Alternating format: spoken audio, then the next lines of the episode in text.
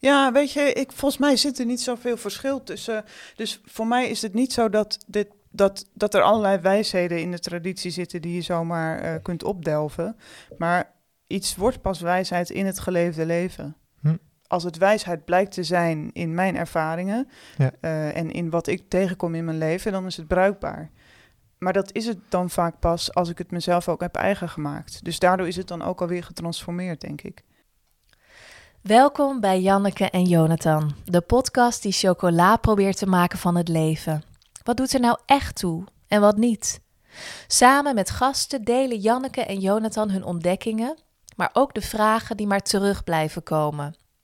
Je kent Janneke Stegeman misschien als theoloog des Vaderlands van 2016. Jonathan Bartling is oprichter van Zinnig Noord, een community rond zingeving in Amsterdam Noord. In deze episode ontdek je wie Janneke en Jonathan zijn. Zij bevragen elkaar over hun drive, hun roeping en waar die vandaan komt. Zo ontdek je dat Jonathan op jonge leeftijd evangelist wilde worden. En hoe hij nu op zijn eigen manier vorm probeert te geven aan zingeving en gemeenschap in Amsterdam Noord. En je hoort hoe Janneke steeds op zoek is naar werelden waar meer mogelijk is, waar meer vrijheid is. Een wereld zonder racisme en seksisme bijvoorbeeld. Zou dat begonnen zijn toen zij drie was en de liefde voor het verdwalen leerde kennen?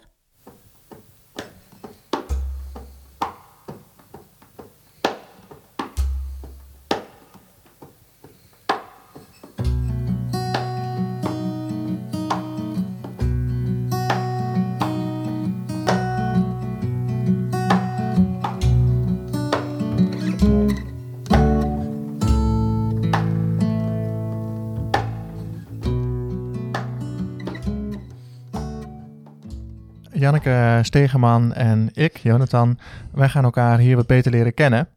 En we gaan vertellen waarom we deze podcast willen maken. En in deze eh, podcast zullen we veel kijken naar eh, de drijfveren van mensen en wat ons nou bezighoudt als mensen en waar we eh, van aangaan. Dus ook heel erg het waarom onder de dingen. Ehm, als je het over het waarom wil hebben, dan moet je heel vaak een stap terugzetten. Ehm, hoe we gevormd zijn heeft vaak een enorme invloed op wie we nu zijn en waarom we doen wat we doen. Dus Janneke, ik wil eigenlijk de spits afbijten en jou de vraag stellen: wie was jij als kind? Hoe, hoe, wat voor kind was jij? En, en, en ehm, vertel daar eens wat over. Ja, een verhaal wat me dan te binnen schiet, wat denk ik eh, wel, wel typerend is voor wie ik was als kind. Eh, dat is ehm, mijn hobby eh, toen ik drie jaar was, was verdwalen. Oh, leuk. En mijn beste vriendje toen, mijn buurjongetje Pascal en ik gingen samen verdwalen. Ja. Ehm, en dan, ik, ik herinner me nog, dat is een van mijn eerste herinneringen, dat we met z'n tweeën naar het bejaardentehuis eh liepen. Dus dat, daar eindigde onze bekende wereld toen. ja. Dus toen we daarna nog verder liepen, ja, dat was onbekend, dat was nieuw. Eh, we waren verdwaald. Ehm, en ik weet nog, het staat me echt nog heel helder voor de geest dat we, eh, kennelijk hadden we de weg toch weer teruggevonden naar huis. En dat toen onze moeders ons stonden eh, op te wachten samen met alle buurvrouwen. ehm, en dat iedereen heel afkeurend keek. En behalve eigenlijk mijn moeder. Ehm, dus ik snapte wel, iedereen was natuurlijk bezorgd geweest. Maar kennelijk vond mijn moeder het toch, of was ze vooral blij dat ik weer terug was.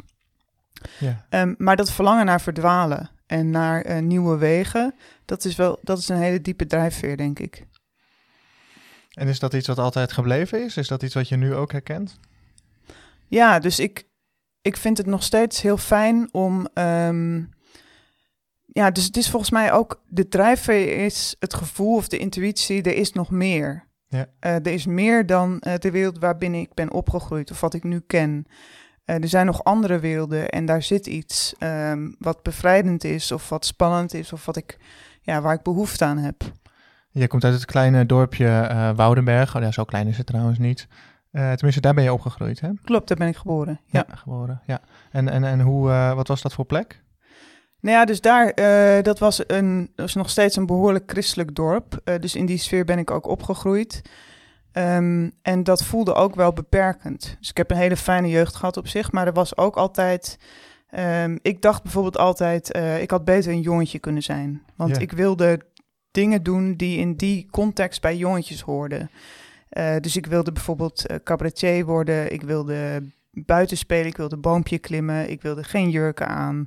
Uh, nou ja. Geen roze. Geen roze, nee. En ik wilde hm. de wereld in. En, dat, en het was toch een sfeer waarin vrouwen het een deden en mannen het ander. En ik dacht, ja, volgens mij, ik ben dan meer een jongetje. Ja, ja.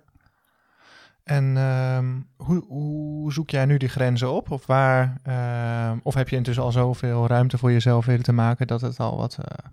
Uh, ja, ik denk wel... Um, ik denk wel dat ik nu meer ruimte heb. Of ook dat er meer werelden voor me zijn ontsloten. Um, en tegelijkertijd blijft het nog steeds zo dat ik heel graag uh, de ruimte opzoek. Of, of kijk, waar worden mensen beperkt? Waar word ik zelf beperkt? Waar worden anderen beknot? Uh, ook door de christelijke traditie. Um, en dat ik dat het, dus dat het zoeken van ruimte, dus uh, hoe komen mensen tot hun recht, ja. dat is nog steeds iets heel belangrijks voor mij. En, uh, en, wat, en waar hebben we het dan over? Uh, ben je nu met concrete dingen bezig waar mensen in hun, hun vrijheid of in hun ruimte beknot worden? Ja, dus voor mij nu zijn uh, lichamelijkheid, seksualiteit, racisme zijn nu voor mij hele belangrijke thema's.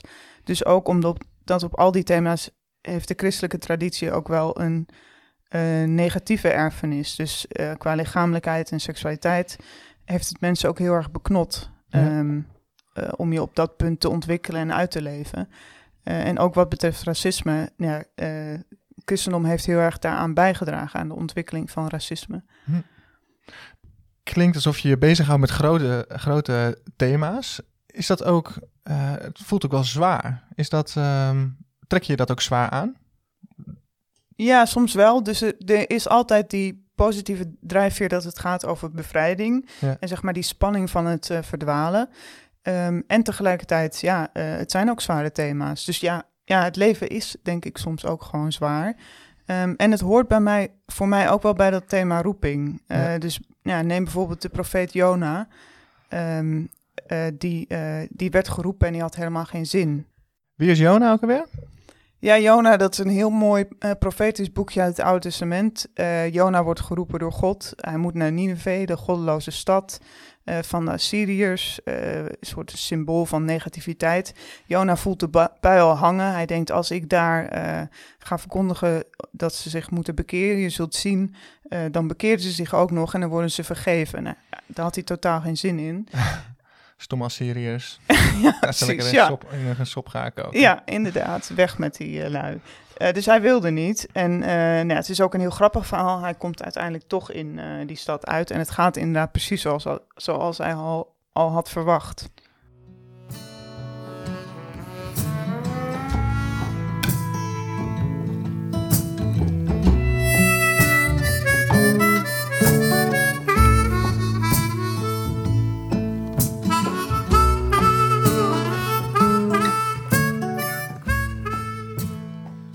Jonathan, jij heet natuurlijk niet voor niks uh, Jonathan. Nee, Jona is mijn bijnaam. In het, ja, of zit mijn, er uh, roepnaam, soort van. Zit er iets van uh, die Jona in jou? Als ik terugdenk aan mijn kindertijd, dan komt daar ook een, een, een komt daar een beeld naar boven. Um, ik ben opgegroeid in de Pinksterkerk. dat zou je kunnen typeren als een vrolijk orthodoxe kerk. Uh, dus qua energie en, en, gezelligheid en zo heel leuk en, en, en open en, en vrolijk en heel erg begaan met elkaar. Je hebt daar positieve herinneringen aan ook. Ja, zeker ook. Ja, ja. Uh, en inhoudelijk gezien is het best wel rechtlijnig. Um, en is er, ja, is er toch wel een beetje een vaste waarheid en een vast set antwoorden. Uh, dus ik kwam daar uiteindelijk ook niet uit met alle vragen die ik had. Um, maar goed, ik zat daar in mijn kindertijd zat ik daar diep in. Dat was een, een belangrijk deel van mijn wereld. En daar was het zendelingschap was ongeveer het hoogste Aha. wat je kan, uh, of het mooiste wat je kon doen. En, en, en ik staat me één herinnering helder voor de geest. Uh, dat we in een kinderclub bij elkaar zaten. En een van die zendelingen, die dan ook ondersteund werden door de, door de gemeenteleden, uh, die kwam dan terug. Die was Bijbels wezen vertalen in Afrika of iets dergelijks. En die kwam dan terug en die vertelde daarover. En ik werd daar zo door gegrepen. Heb je enig idee hoe oud je toen was, toen je daar zat? Ik denk dat ik zo'n acht of negen zal zijn geweest. Dus mijn, mijn pre-kritische tijd, zeg ja, maar. Kleine Jonathan. kleine Jonathan, ja. ja. En, uh, en, en het was ook een heel overweldigend, dat is niet een Nederlands woord, maar dat gevoel. Uh, Ehm, en in de Pinksterkerk zijn ze ook heel goed in met emoties werken. En dat, ehm, ik weet nog dat ik daar helemaal, ja, gewoon de geest helemaal bevlogen. eh, en dat ik zat van, ja, ik, ik moet zendeling worden. En wat sprak je daar dan zo in aan? Wat, wat wilde je? Wat zag je voor je? Ehm, nou kijk, je moet, je moet het zo zien, het, het, het belangrijkste wat je daar kan doen is het, de blijde boodschap, het woord van God verspreiden. Eh, dat is belangrijker dan wat dan ook. Ehm, de rest is eigenlijk allemaal bijzaak. Dus het heeft aan de ene kant zoiets van heroïs, ehm, maar het is ook, nou ja, en het maakt het ook heroïs dat het zwaar is. Dus het is ook niet, je, je geeft van alles op. Eh, het is natuurlijk ook avontuurlijk om naar Afrika eh, te gaan. Maar het is ook niet zomaar niks. Dus misschien dat dat ook wel, nou ja, dat maakt het misschien wel extra heroïs. Dat je, Dat je jezelf moest opofferen. ja, er zat wel een opoffering, eh, het martelaarschap, dat speelt daar nog altijd wel een rol. Als kind trok jou dat. Ja, precies. Ja, Ja. ja, ja. Ehm, En hoe Nee. is dat nu? Ben je, eh, is daar iets van terechtgekomen? ik bedoel, in zekere zin ben ik een vreemd soort zendeling eh, geworden. Eh, omdat ik me heel erg bezig, veel bezighoud met zingeving, religie, spiritualiteit, filosofie. Dus het is ergens nog steeds hetzelfde domein waar ik me mee bezig hou. En waar ik ook een lans voor breek. En vind dat dat een rol in de samenleving en in onze eigen levens vooral. Ja. ehm, Je bent er niet voor naar Tanzania gegaan. Nee, nee, in Amsterdam-Noord. eh, ja, nee, tegenwoordig sturen overigens eh, Tanzania en andere landen eh, zendelingen terug naar ons, omdat wij natuurlijk nu de goddelozen zijn. dus in die zin hebben we het hier harder nodig. Ja. Ehm, nou ja, ik probeer het op mijn eigen manier eh, mee bezig te zijn. En wat hebben wij nodig? Wat, wat is het wat jij dan wil bieden? Ik denk, nou, het begint ergens ook bij wat ik nodig heb. Dus het is ook altijd een, een, een persoonlijk, in, nou ja, in mijn geval ook een persoonlijk verhaal dat ehm, ik ben daar zoveel mee bezig geweest als kind en, Ja. en gewoon in mijn hele opvoeding, dat ik er nu niet meer niet mee bezig kan gaan. Tenminste, er is een korte tijd geweest dat ik bij het ministerie van Buitenlandse Zaken werkte en dat ik al wel eens aanvoelde van, hè, als dit leven zo doorgaat, dan ben ik het op een zeker moment misschien wel helemaal kwijt. Ja. Wat, was, wat zou je dan kwijt zijn? mijn gevoel voor dat er meer is. Ja. Ehm, eh, ik, ik- draag, dreigde geabsorbeerd te worden in het gewoon het normale materialistische bestaan. En waarin ook eh, belangrijk. Ik voelde me wel degelijk geroepen. Het was een hele idealistische plek. Ehm, maar ik miste daar toch wat. Wat deed je daar? Ehm, ik werkte op eh, het gebied van ontwikkelingssamenwerking. En dan maatschappelijke organisaties. Dus die worden heel veel ondersteund eh, vanuit het ministerie van Buitenlandse Zaken. Maar dat was toch niet jouw echte roeping dan? Nee, nee. Dus dat was ergens. ehm, ik weet nog dat ik een keer een masterclass mocht volgen van mijn leidinggevende toen ik stage liep daar. En het ging over religie en ontwikkelingssamenwerking.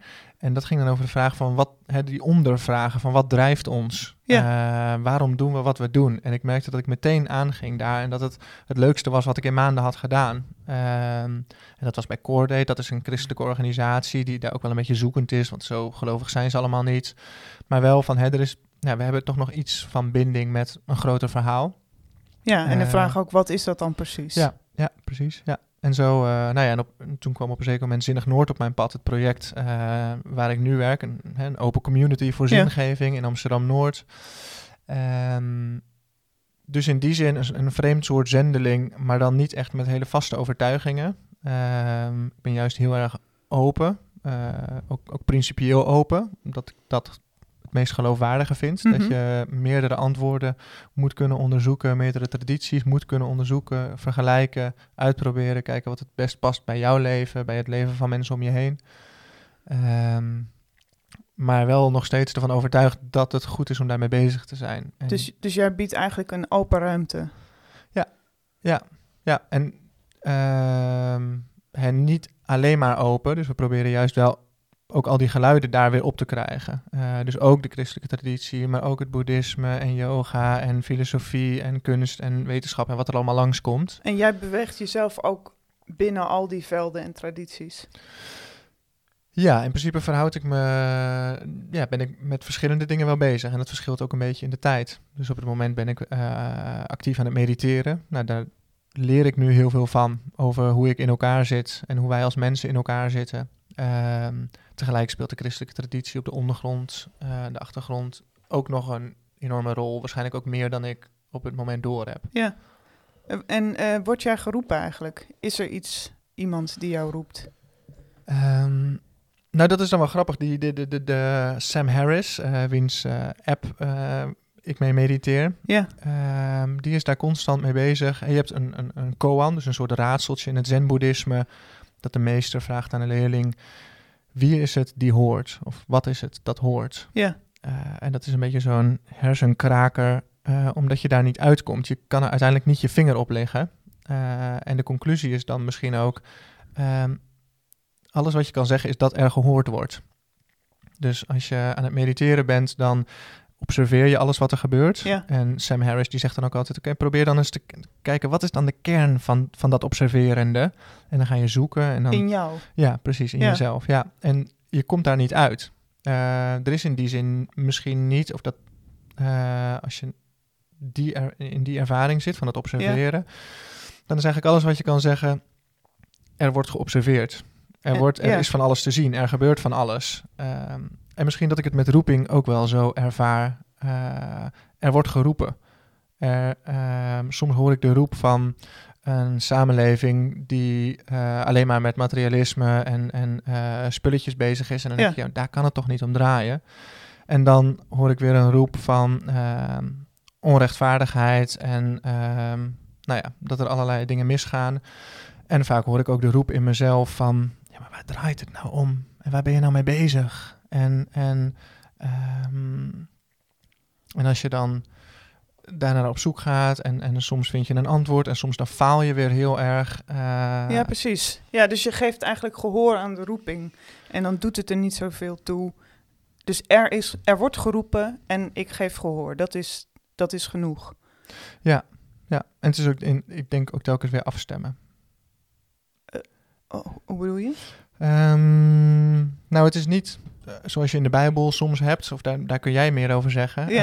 eh, dat er zo van, eh, en God zei dit en dat, en daar heb je, en daar heb je het allemaal mee te doen. Ik, ik weet niet Ja, precies dat wat er lijkt allemaal... heel helder. Ja. Ja, maar vertel daar eens wat over. Wat, eh, Nou ja, ehm, dus mijn vak, ik ben oud-testamentica, dus eh, de Hebreeuwse Bijbel, het Oude Testament, dat is zeg maar mijn speelterrein.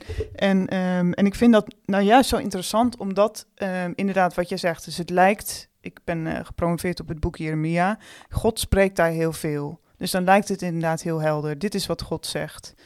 Terwijl wat ik nou juist zo ongelooflijk spannend vind aan dat boek, eh, dat is dat er eigenlijk ehm, allerlei verschillende groepen aan het woord zijn die allemaal God voor zichzelf claimen. Ja. Dus je hoort eigenlijk God buik, buik spreken door. eh, en daarin hoor je ook de belangen en de context van die verschillende groepen. Ja.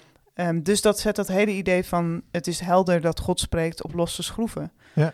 En dat is denk ik ook zo. Dus Ja. wat, je, wat je hebt, eh, dat zijn je eigen ervaringen en de ervaringen van generaties gelovigen voor je.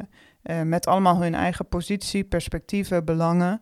En, eh, en de kunst is inderdaad afstemmen. Eh, wat is nou, ehm, ja, wat doet er nou toe voor mij? Ja. Waarin hoor ik de stem die mij raakt? En waartoe word ik geroepen? Ik kan me wel voorstellen dat dat bij veel mensen die niet religieus of christelijk zijn opgevoed, dat dat een groot misverstand is. Dat het altijd heel duidelijk is van God zegt dit en God zegt dat. Dat het de Bijbel... Ja, nou ja, en dat Eh. komt natuurlijk ook in de eerste plaats doordat christenen vaak doen alsof de Bijbel, de Bijbel zegt dit. Ja, Of het is heel, heel helder. Er Ja. staat letterlijk. Ehm, en ik denk, het is altijd zo, als je wat eh, beter gaat kijken, dan is het helemaal niet zo helder. Eh, en dat is juist ook het, het mooie en het spannende volgens mij. Zit daar ook iets van roeping voor jou in? Ja. Om, om dat duidelijk te maken of om dat, eh, dat spanningsveld naar boven te... Ja, dus dat gaat denk ik weer over dat thema ruimte. Dus als je, ehm, als je op het spoor komt dat die traditie helemaal niet zo helder is, dat die veelstemmig is en gelaagd, eh, dat er allerlei dingen worden gezegd en geclaimd die ook met elkaar botsen. Ja. En dat je als het ware zelf bent uitgenodigd om daar ook je in dat veld te begeven en ook ehm, nou, te bedenken, ja, wat, wat vind ik belangrijk? Wat vind ik? Wat wil ik zeggen? Ehm, dan kun je een soort levende relatie aangaan met die traditie. En dan, wordt het, ehm, dan gaat het ergens over. Ik vind het daarom ook heel leuk dat wij deze podcast samen maken. Omdat jij Ja. dat echt... Ik vind het heel fijn om tussen de tradities te kunnen bewegen. En, Ja. en, en, en die vrijheid. Maar ik vind het ook altijd heel mooi... eh, of ik vind het heel mooi mensen die binnen de traditie ruimte weten te maken. En daar daardoor vaak ook dieper in een traditie zitten, omdat ze zich op één ding richten. Uh, ja, dat ben ik met je eens. Dus ik um, denk ook wel eens, waarom, um, waarom begeef ik me niet ook in andere tradities? Uh, is het niet een beetje saai? Maar ik vind het helemaal niet saai. Ik vind het heel spannend en ik ontdek steeds dingen die ik helemaal niet wist. En trouwens ook allerlei verbindingen met andere tradities. Dus, dus dat is er wel degelijk. Uh, alleen dat doe ik misschien meer vanuit ja, die, die christelijke traditie die al zo divers is in zichzelf. Ja. Ik denk dat daarmee een traditie ook interessant blijft. Als iedereen er alleen maar een beetje tussen zou pendelen, dan heb je, niet, heb je minder authentieke, uh, is de bron minder authentiek.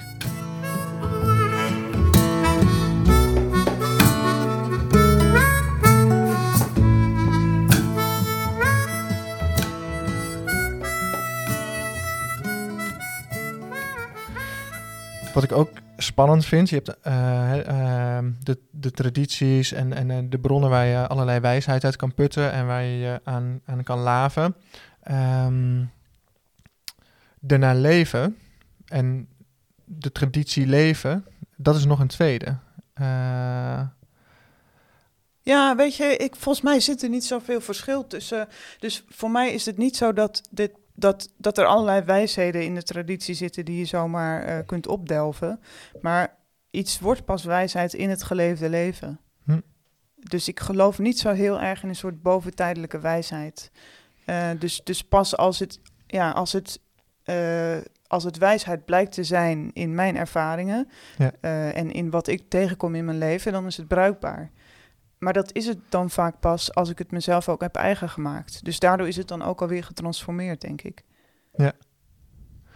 Als het bijvoorbeeld over meditatie gaat, ik had al lang door dat meditatie goed voor je was voordat ik het deed. Ja. Maar ik voelde nog steeds een enorme drempel om het te gaan doen en wat om erbij die, te blijven. Wat was die drempel dan?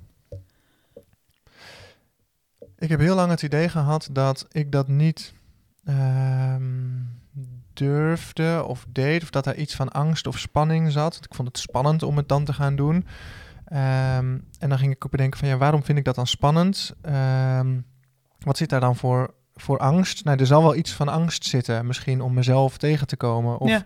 misschien als je echt stil wordt of als je echt bij jezelf komt, dat er dan allemaal nare shit omhoog komt. Ja. Um, dat je helemaal niet zo'n fijn persoon blijkt te zijn als dat je denkt. Of dat er uh, heel veel nou ja, het kan allerlei illusies doorprikken. Ja, misschien wel. Ja, ja. Uh, maar ik wist het dus ook nog niet zo goed. Het fijne, dat was eigenlijk een van de fijnste dingen aan dat ik het nu gewoon aan het doen ben, is dat ik erachter kwam dat er niet zoveel was om bang voor te zijn.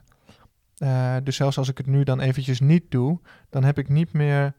Uh, ik heb heel lang het soort van nagging gevoel gehad van ik zou dit moeten doen. Ja. Uh, want uh, ja, ik verkondig de hele tijd en in onze programma's komen we er steeds weer achter uh, bij Zinnig Noord ja. hoe goed het is om je bewust te zijn van dingen en dat dat altijd weer de eerste stap is om nou ja, verandering, om mm -hmm. naar een graziger weide te trekken. Ja. Um, en ergens um, voelde ik wel dat er iets zat, maar ik durfde er niet aan te gaan. Um, dat heb ik overigens soms ook bij de christelijke traditie. Dat ik denk van ja, het is heel mooi dat naaste liefde en gemeenschap en al die dingen. Maar in de praktijk is het soms zo weerbarstig. Ja, ja, dat ik daar nee, nog wel een verschil voel van. Uh, ik voel ergens wel dat het wijs is.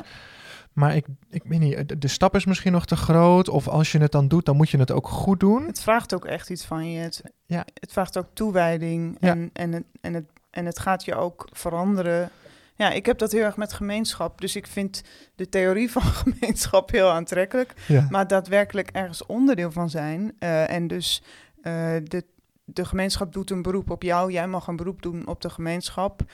Uh, het wordt ook ingewikkeld. Er zitten mensen in die je nou net weer niet, niet zo goed liggen. Altijd. Ja, ja dat, is, dat is een ander verhaal. Ja. Ik heb ook bij Zinnig Noord, hè, dat is een, een, uh, een project wat aan de protestantse kerk in Amsterdam is gerelateerd. Mm -hmm. uh, we krijgen in principe alle vrijheid om een soort nou ja, moderne zingeving te ontwikkelen of daar gesprekken in te, te uh, ontmoetingen mogelijk te maken. Maar er was ook altijd vanuit de kerk klonk ook altijd geluid, hey, gemeenschap, gemeenschap, gemeenschap. Want dat is wat de kerk de kerk maakt. En nou ja, wat je verder ook doet en welke kant je ook op gaat, die gemeenschap. Dat voelde voor mij ook altijd best wel een beetje beknellend. Of zo van, nou daar moeten we dus kennelijk iets mee. Maar ik wil gewoon mooie dingen maken. En gewoon interessante activiteiten en programma's maken. Ja. En hè, wat je zegt over het geleefde leven en uh, wijsheid ontdekken. We hebben nu we, eh, maken we de programma samen met een groep mensen. Dus elk programma maken we samen met een vrijwilligersteam. Mhm. En daar ontstaat eigenlijk vanzelf iets van community. Omdat je het over uh, levensvragen hebt en de thema's die ons bezighouden. En nu ik dat heb ontdekt, heb ik zoiets van, ja, dat is het. Dat, en, en dat is nu de helft van, hè, of die avond nou uiteindelijk op zijn allerbest wordt of niet. Uh, die gemeenschap, dat is de helft van de, van de schoonheid ervan. Wauw, mooie ontdekking. dit nu leven. Dit is. Dit nu leven. Dit is leven. Dit is nu leven. Dit is leven. Dit is leven.